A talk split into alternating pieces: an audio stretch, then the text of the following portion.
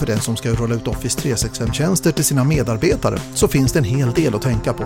I det här avsnittet får du träffa någon som har gjort en lång molnresa. Och så blir det som vanligt nyheter om Office 365 här i Office 365-podden.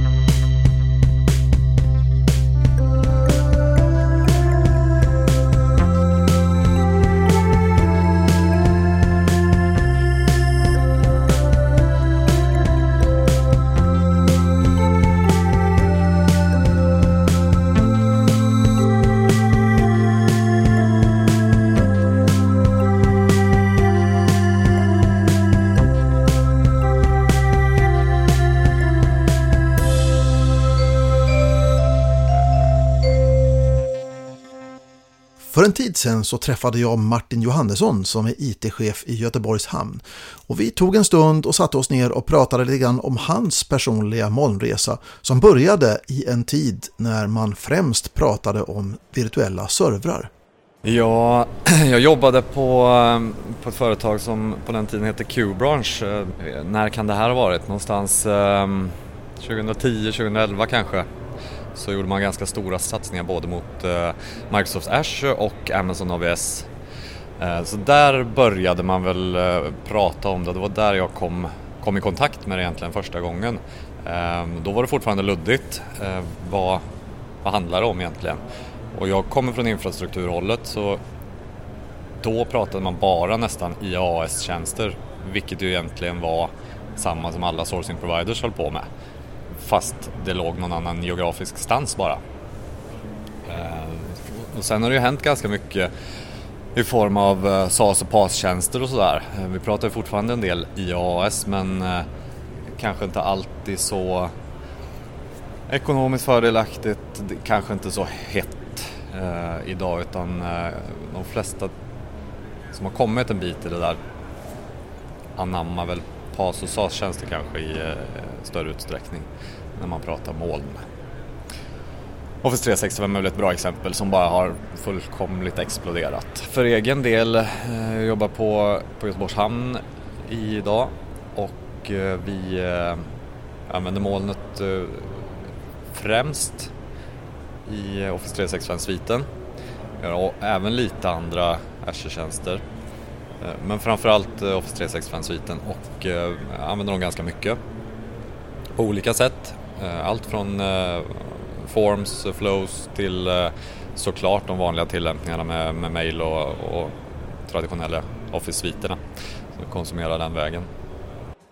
Och med Office 365 på plats var det dags att konfigurera multifaktorautentisering. När vi började införa det här så, så, hade vi en tanke om att ja, men vi slår på, vi konfar upp och så här, hur svårt kan det vara? Och sen så skriver vi ett, eh, ett, ett dokument, någon slags how-to eller lathund och så så publicerar vi den till våra, våra kollegor anställda och, och så får de göra den här enrollment-delen själva. Det insåg vi ganska snart att det kommer inte att funka för det är för mycket ifs and buts i det här. Så vi har istället eh, gjort det här i form av att vi eh, åker runt och, missionerar och informerar lite grann om informationssäkerhet i stort. Vi drar lite case om eh, saker som faktiskt kan hända och som händer runt omkring oss på det här temat. Och samtidigt så går vi i grupp då, egentligen avdelning för avdelning eller ja, i, i mindre grupper så går vi igenom tillsammans och hjälper till att aktivera upp det här. Det är den ena delen, användardelen. Det andra som vi stötte på, som vi var helt oförberedda på egentligen, det var hur pass komplicerat det faktiskt var att slå på det. Eh, och eh, vi landade i en lösning till slut där vi använder oss av conditional access. Vi har konfigurerat upp ett antal kriterier. Att eh, här, när du befinner dig på det här sättet och på det här stället så, så träffas du av vissa regler och när du inte uppfyller de här kriterierna så måste du alltid använda MFA. En, eh, en klassisk sån avvägning, den här vågskålen användarvänlighet och säkerhet. Eh, och en, eh, vi har kommit till en nivå som vi tror är väldigt, väldigt bra. Relativt hög säkerhet som filtrerar bort väldigt mycket av de identitetskapningar, digitala identitetsstölder som, som vi ville skydda oss mot samtidigt som vi har en, en hyfsat, eller en, en väldigt bra användarvänlighet. Det är mycket att tänka på när man ska få till en lagom grad av säkerhet i Office 365. och det är nästan omöjligt att göra det utan att det blir en del dikeskörningar. Så det var det andra, det här den rent tekniska, att vi trodde mer eller mindre att det var att slå på en, eh, en inställning och så, så var vi hemma. Uh, och, och det, så var det inte. Så kan det vara ska jag säga också. För, för det går faktiskt bara att slå på det. Men eh, då tyckte inte vi att vi fick en lösning som passade oss riktigt. Eh, bland annat så, så fick vi ju då, och det här är ett tag sedan så jag vet inte om det är precis samma nu, men bland annat så fick vi någonting som kallas i Office 365 App Passwords som man eh, liksom out of the box får får till sig då, att man går in som slutanvändare och, och så aktivera det här och så får man någonting typ app password. Eh, och det tyckte vi att det där är ju lite hål i huvudet för det är ett jättekomplext lösenord som man ska skriva in eh, och vad händer när vi ger våra användare jättekomplexa lösenord som man inte själv får välja, långa och krångliga? Ja, och de hamnar ju såklart antingen på någon lapp någonstans eller på, i en OneNote eller, eller så här någonstans på skrivbordet eller något liknande. Eh, och det ville vi inte ha, absolut inte, för då kände vi att det där blir, det blir ännu sämre nästan än vad vi har idag. Eh, så eh, det går att bara slå på det, men för oss så tyckte vi inte att det där passade. Och då kom vi in i en väldigt mycket större konfiguration som vi inte var förberedda på, där, där vi då började konfigurera upp det här med conditional access. Och då, där finns det mycket spännande att göra, men det kräver sin, sin kvinna eller man för att göra det där. Det har ju faktiskt varit lite problem med MFA lite av, av och till. Jag hörde faktiskt här nu att det var bara för ett par dagar sedan så var det ett eh, avbrott i MFA-tjänsten. Och vad gör man då om man har många användare som är ute och rör sig i världen och de är helt, eh, helt avhängiga av att MFA funkar?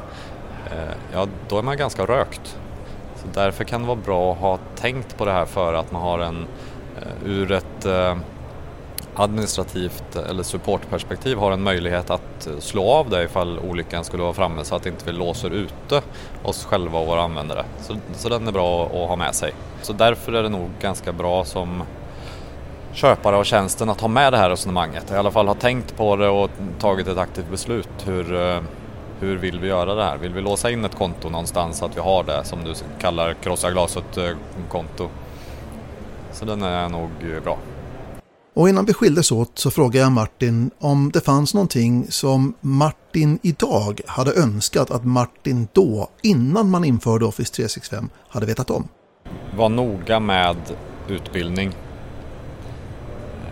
Det som tycks och förefaller vara enkelt, vi ska bara flytta arbetssättet till det här, det är fortfarande Office-sviten,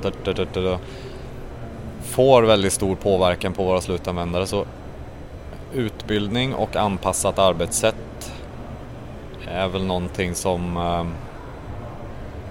som jag kanske önskar att både jag och många av mina kollegor hade tänkt mer på genom åren. För där har jag sett att eh, man har fört in lösningar och eh, lämnat det lite grann och då drar man inte nytta av den investering som man gör. Man får inte den utväxling som man borde eller kunde ha fått. Så det är väl en sån eh, lessons learned. Du hörde Martin Johannesson, IT-chef på Göteborgs hamn.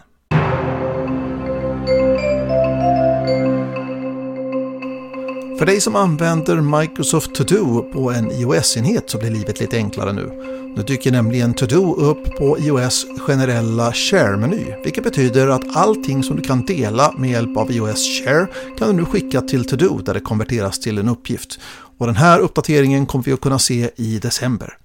På utvecklingsavdelningar världen över så används alternativ till Microsoft Teams, oftast därför att utvecklare sitter med Linux på sina arbetsstationer. Men nu så kommer Teams för Linux.